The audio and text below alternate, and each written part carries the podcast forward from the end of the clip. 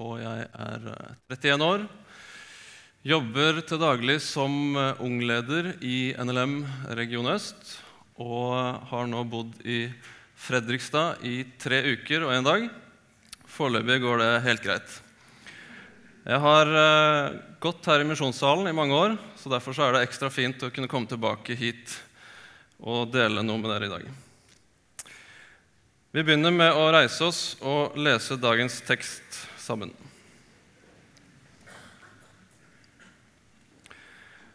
Noen farisere kom og spurte ham, har en mann lov til å skille seg fra sin kone.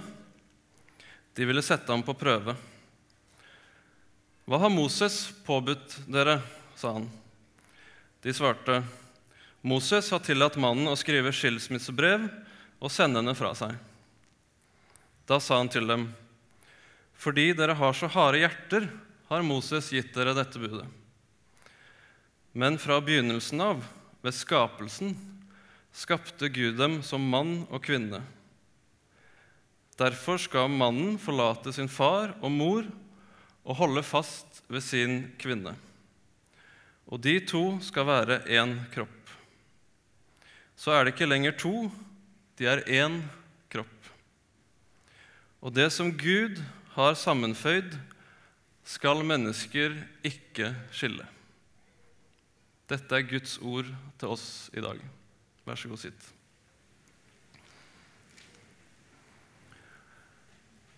Temaet for dagens eh, tale det er ekteskap og skilsmisse.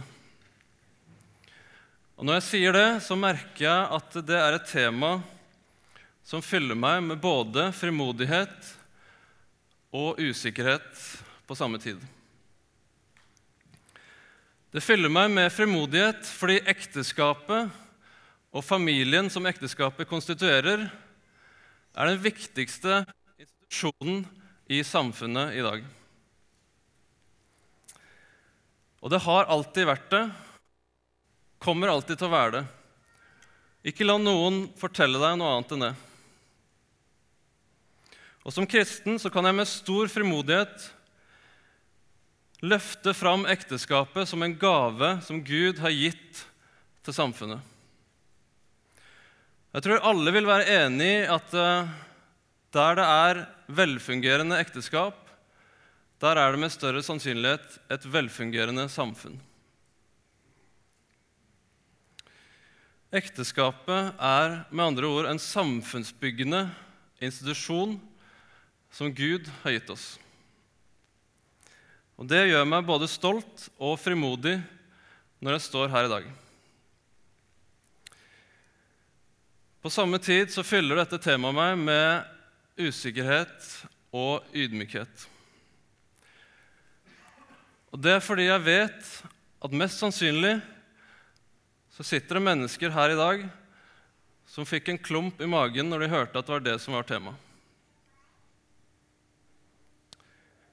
Som kanskje gruer seg til resten av denne talen her. Og som kjenner at ordet ekteskap først og fremst er et vanskelig ord. Et ord som vekker vonde og vanskelige følelser.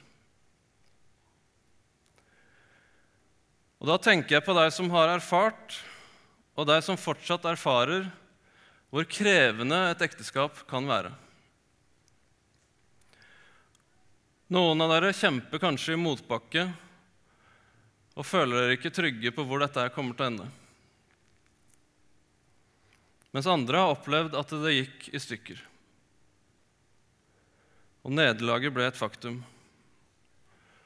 Og nå er ekteskap og skilsmisse det siste du hadde lyst til å høre om. Men jeg tenker også på deg som aldri har vært gift, og du som har levd hele livet ditt med et ønske om at du en dag skulle bli det.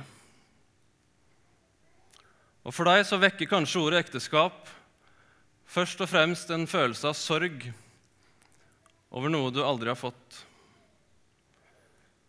og noe du går glipp av. Og med vissheten om at disse historiene lever i denne forsamlingen og i mitt liv, så dukka det opp flere spørsmål når jeg forberedte meg til denne talen. For hvordan kan egentlig jeg løfte fram sannhetene i denne teksten uten at noen opplever det fordømmende, eller uten at noen opplever seg utelukka? Og går det egentlig an å si noe fornuftig om skilsmisse når hvert enkelt tilfelle er så unikt? De spørsmåla har jeg måttet kjempe med de siste dagene. Men jeg håper det går an å si noe om dette. Og jeg tror det er mulig, men jeg er helt avhengig av Den hellige ånds hjelp. Og Derfor vil jeg be om det akkurat nå. Kjære Jesus, jeg ber om at du må tale gjennom meg. Jeg ber om at det som jeg har forberedt, må være dine ord. Jeg ber om at eh, du må tale til hver enkelt som er her. Du kjenner oss fullt ut. Du kjenner livshistoriene våre.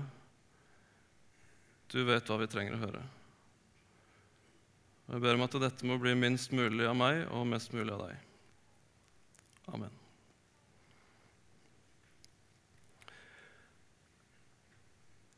Noen fariseere kom og spurte ham har en mann lov til å skille seg fra sin kone. Teksten åpner med at fariseerne kommer til Jesus med et spørsmål. Og Selv om vi skal se at fariseerne hadde en helt konkret agenda med det spørsmålet, Eh, så reflekterer det likevel en holdning til ekteskapet som vi finner i dag også.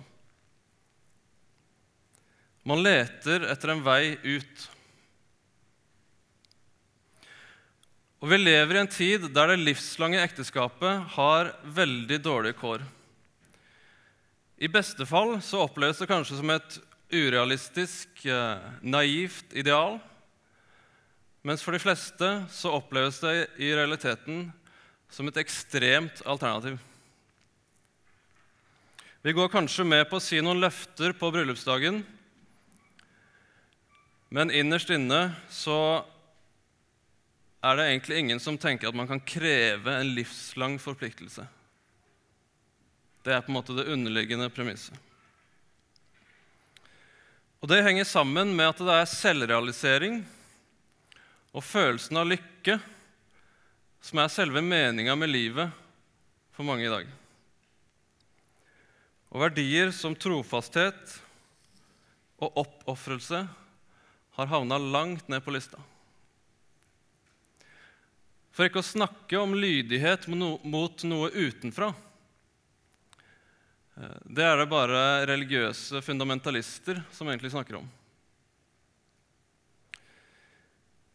Det er lydighet mot noe innenfra som er den vanligste etiske målesnora i dag. Med andre ord hvis noe føles bra, så er det etisk rett. Og Så betyr ikke dette her at jeg sier at din skilsmisse handla om selvrealisering eller følelser. Det jeg sier, er at både du og jeg og alle vi som er her, lever i et samfunn der dette her er styrende verdier. Og det preger oss, også som kristne. Kanskje mer enn vi vil innrømme. Og det er med på å gjøre ekteskapet enda mer utsatt. Jeg nevnte at fariseerne hadde en helt konkret agenda med å stille dette spørsmålet til Jesus. Og I Matteus-versjonen av den samme fortellingen så har dette spørsmålet en liten tilføyelse. Har en mann lov til å skille seg fra sin kone av en hvilken som helst grunn? Og Bakgrunnen det er det som står i 5. Mosebok, kapittel 24, vers 1. For Der står det det kan hende at en mann har tatt en kvinne til ekte, men ikke lenger ser på henne med velvilje fordi han har funnet noe usømmelig hos henne. Han skriver et skilsmissebrev, gir henne det og sender henne bort fra sitt hus. Det store stridsspørsmålet det var jo da hvordan dette noe usømmelig skulle tolkes. Fordi han har funnet noe usømmelig hos henne. Og det hadde vokst fram tre ulike hovedretninger av hvordan dette her skulle tolkes. Den første var ganske konservativ eh, og gikk ut på at det måtte bety noe utuktig eller noe moralsk usømmelig. Mens en ganske vanlig tolkning det var at usømmelig i dette tilfellet kunne bety noe helt banalt, som f.eks. at kona svidde maten, eller mista en tallerken og knuste en tallerken. De tinga der kunne altså gi grunn til skilsmisse. Helt sant. Og En tredje tolkning var om mulig enda mer mannssjåvinistisk. Den gikk ut på at eh, hvis mannen fant noen som var penere enn sin nåværende kone, så kunne det være en grunn til å skille seg. Utelukkende utseende, med andre ord. Så det råda med andre ord en veldig liberal skilsmissepraksis blant mange jødiske menn på denne tida. Og Nå ville fariseerne ha Jesus til å velge en av disse her sidene i dette spørsmålet. Målet var altså ikke å lære noe nytt fra Jesus, men å lure han til å innta en posisjon som de så kunne ta han på. Og Siden de befant seg i det området som var under Herodes sitt herredømme, så kunne de kanskje, hvis de var heldige, få Jesus til å provosere Herodes like mye som døperen Johannes hadde gjort. Og forhåpentligvis så ville Jesus da lide samme skjebne som Johannes. Men Jesus er ikke interessert i å gå inn i denne debatten og velge en side. I stedet så viser han gjennom svaret sitt at fariseerne egentlig stiller helt feil spørsmål. Da sa han til dem, 'Fordi dere har så harde hjerter, har Moses gitt dere dette budet.' Fordi dere har så harde hjerter. Dere er i dette tilfellet deg og meg, du og jeg som er her i dag. Alle mennesker, enten du er lykkelig gift eller ikke. Skilsmisse er ikke et resultat av Guds vilje, men av våre harde hjerter. Fariseerne hadde misforstått. De trodde at siden Moseloven åpna for det, så betydde det at det var Guds vilje. Men Gud vil ikke skilsmisse. Det er våre harde hjerter. Og Jesus gir oss her en diagnose som kanskje hadde vært unødvendig ydmykende eller i overkant alvorlig hadde ikke vært for at det kommer fra Han. Han som kjenner oss fullt ut, kjenner hva som egentlig bor i hjertet vårt. Og som den eneste som har et fullkomment mykt hjerte, så kan han si det. Og når han sier det, så er vi nødt til å ta det innover oss.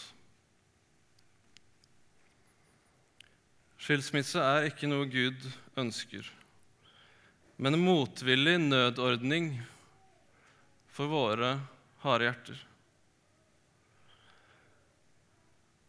Og det er akkurat som om jeg skimter en skaper som kjenner skaperverket sitt på godt men ikke minst også på vondt.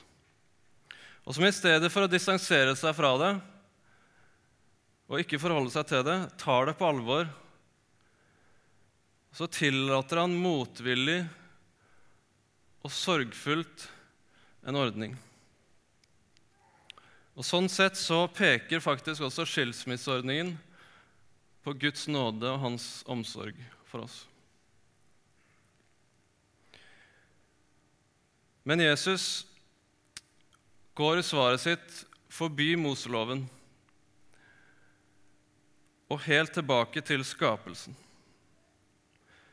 Til Guds opprinnelige vilje, nemlig skapelsen av mann og kvinne og foreningen av de. For mens skilsmisse er et resultat av syndefallet og våre harde hjerter, så er ekteskapet et resultat av Guds fullkomne skaperkraft og hans visdom. Og ekteskapet det ble innstifta på høydepunktet i skapelsen, da mennesker ble skapt.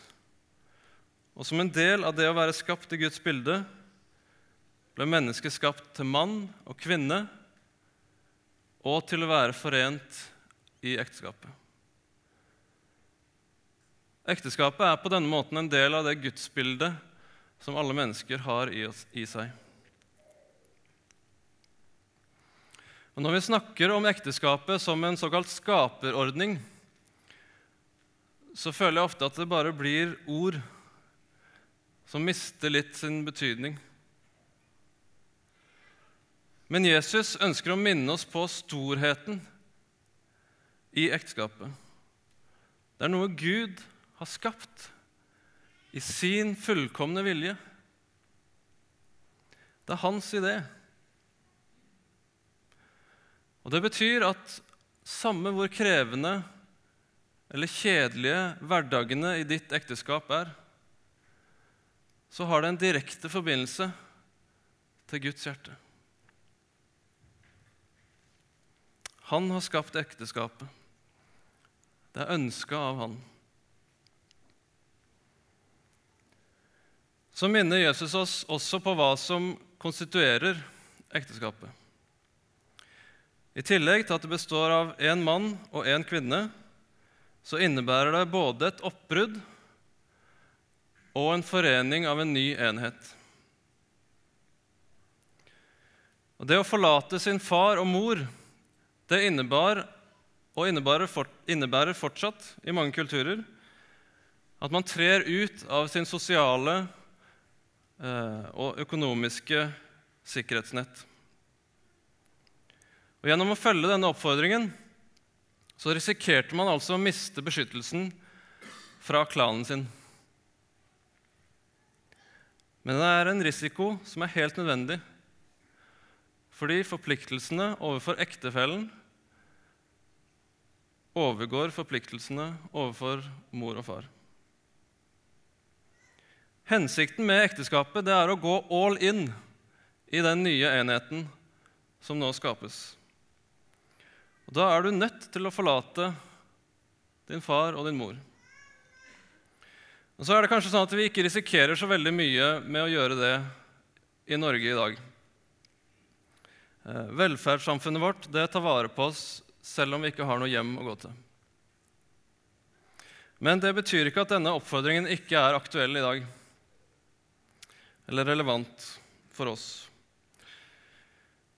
For det er faktisk flere som har det sånn som Lisbeth i Side om side, for de av dere som ser på det. Som opplever at ektefellen Frode er mer lojal mot mora si enn mot henne. Og i det, I det tilfellet så blir det veldig god TV ut av det. Morsomt, underholdende. Men i virkeligheten så kan det faktisk være veldig destruktivt. Og det er flere enn Frode som trenger å forlate mora si, for å si det sånn. Oppfordringen om å forlate sin far og sin mor den forteller oss noe om at ekteskapet skal ha status som den viktigste enheten i livet til ektefellene.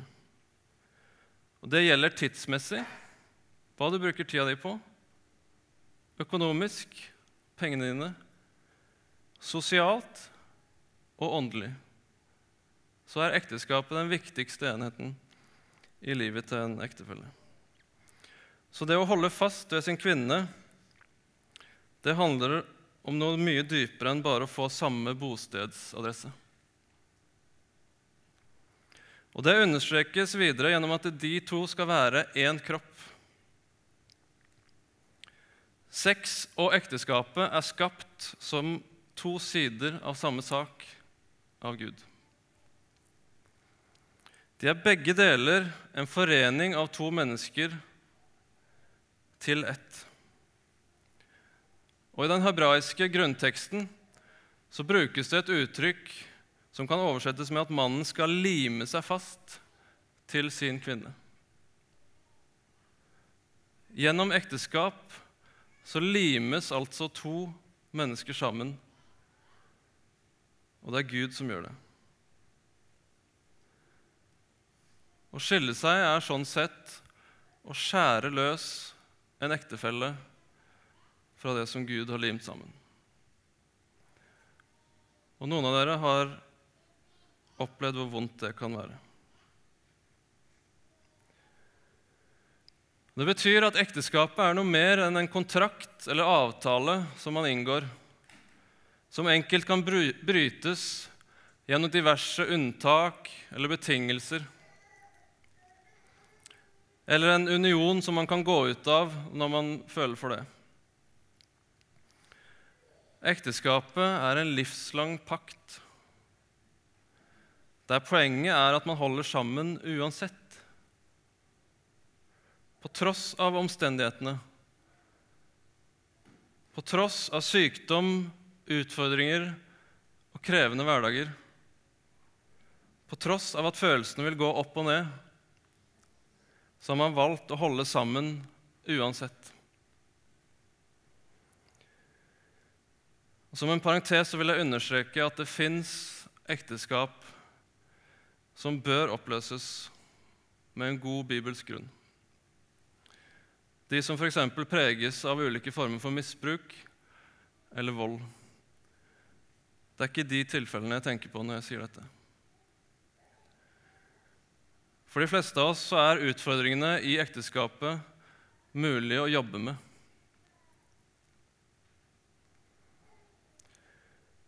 Og Derfor så er det viktig at vi prioriterer nettopp det. Og kanskje jeg burde brukt tida jeg hadde her på prekestolen, til å gi råd eller veiledning til dere som er gift, eller vurderer å bli det. Men for en som akkurat har feira ullbryllup og ikke gullbryllup, så vil jeg overlate det til noen som har litt mer erfaring. Men jeg vil i hvert fall bruke anledningen til å oppfordre alle gifte par eller alle dere som skal gifte dere, til å investere tid og krefter i ekteskapskurs, i kvalitetstid sammen, veiledning og terapi hvis det er det dere kjenner dere trenger nå. Når ekteskap går i stykker, så er det veldig sjelden pga. en enkelthendelse men som oftest så skjer det ved at ektefellene sakte, men sikkert driver fra hverandre. Og Det betyr at du må jobbe hver dag for å unngå at det skjer.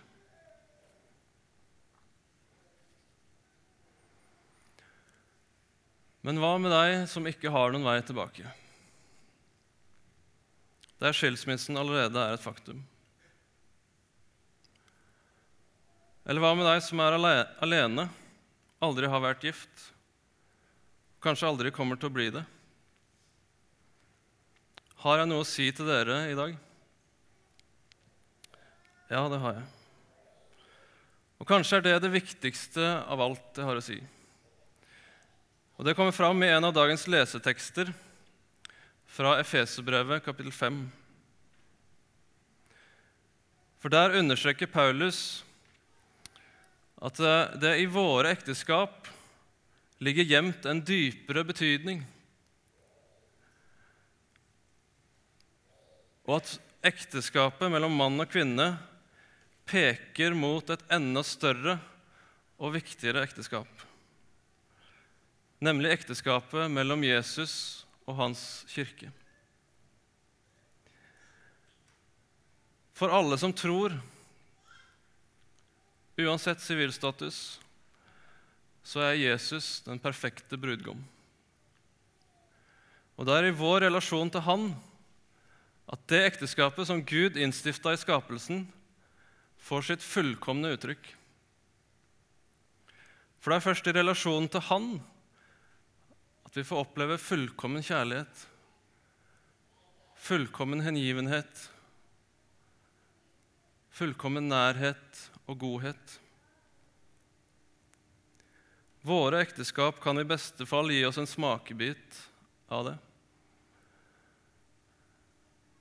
Og som regel så avslører de tvert imot nettopp hvor egoistiske og selvopptatte vi egentlig er.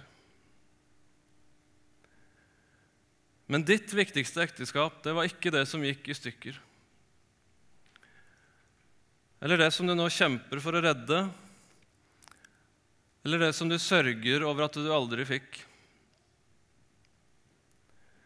Din viktigste relasjon og ditt viktigste ekteskap er med Han som kjøpte deg til sin brud med sitt hellige blod.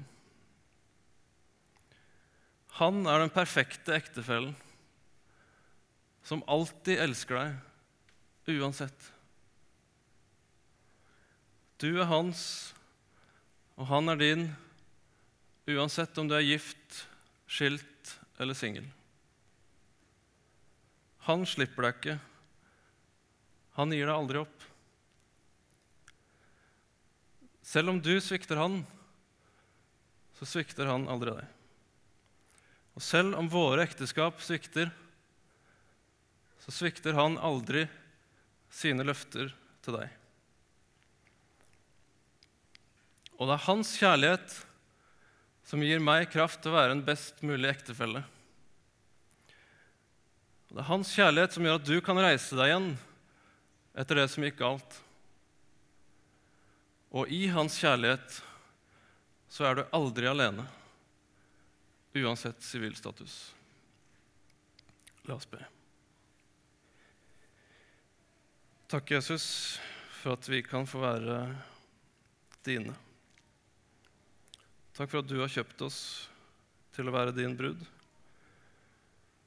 Uansett hvordan vi har det, og hva som er status i livet vårt nå. Takk for at du aldri svikter oss. Takk for at dine løfter står fast. Og at eh, selv om vi svikter både deg og i våre relasjoner, så svikter du aldri oss. Jeg ber om at det må gi oss kraft til å være gode ektefeller. Og til å være frimodige single. Og til å reise oss igjen når det går galt. Må du verne om ekteskapene våre. Og hjelpe oss i ditt gode navn, Jesus. Amen.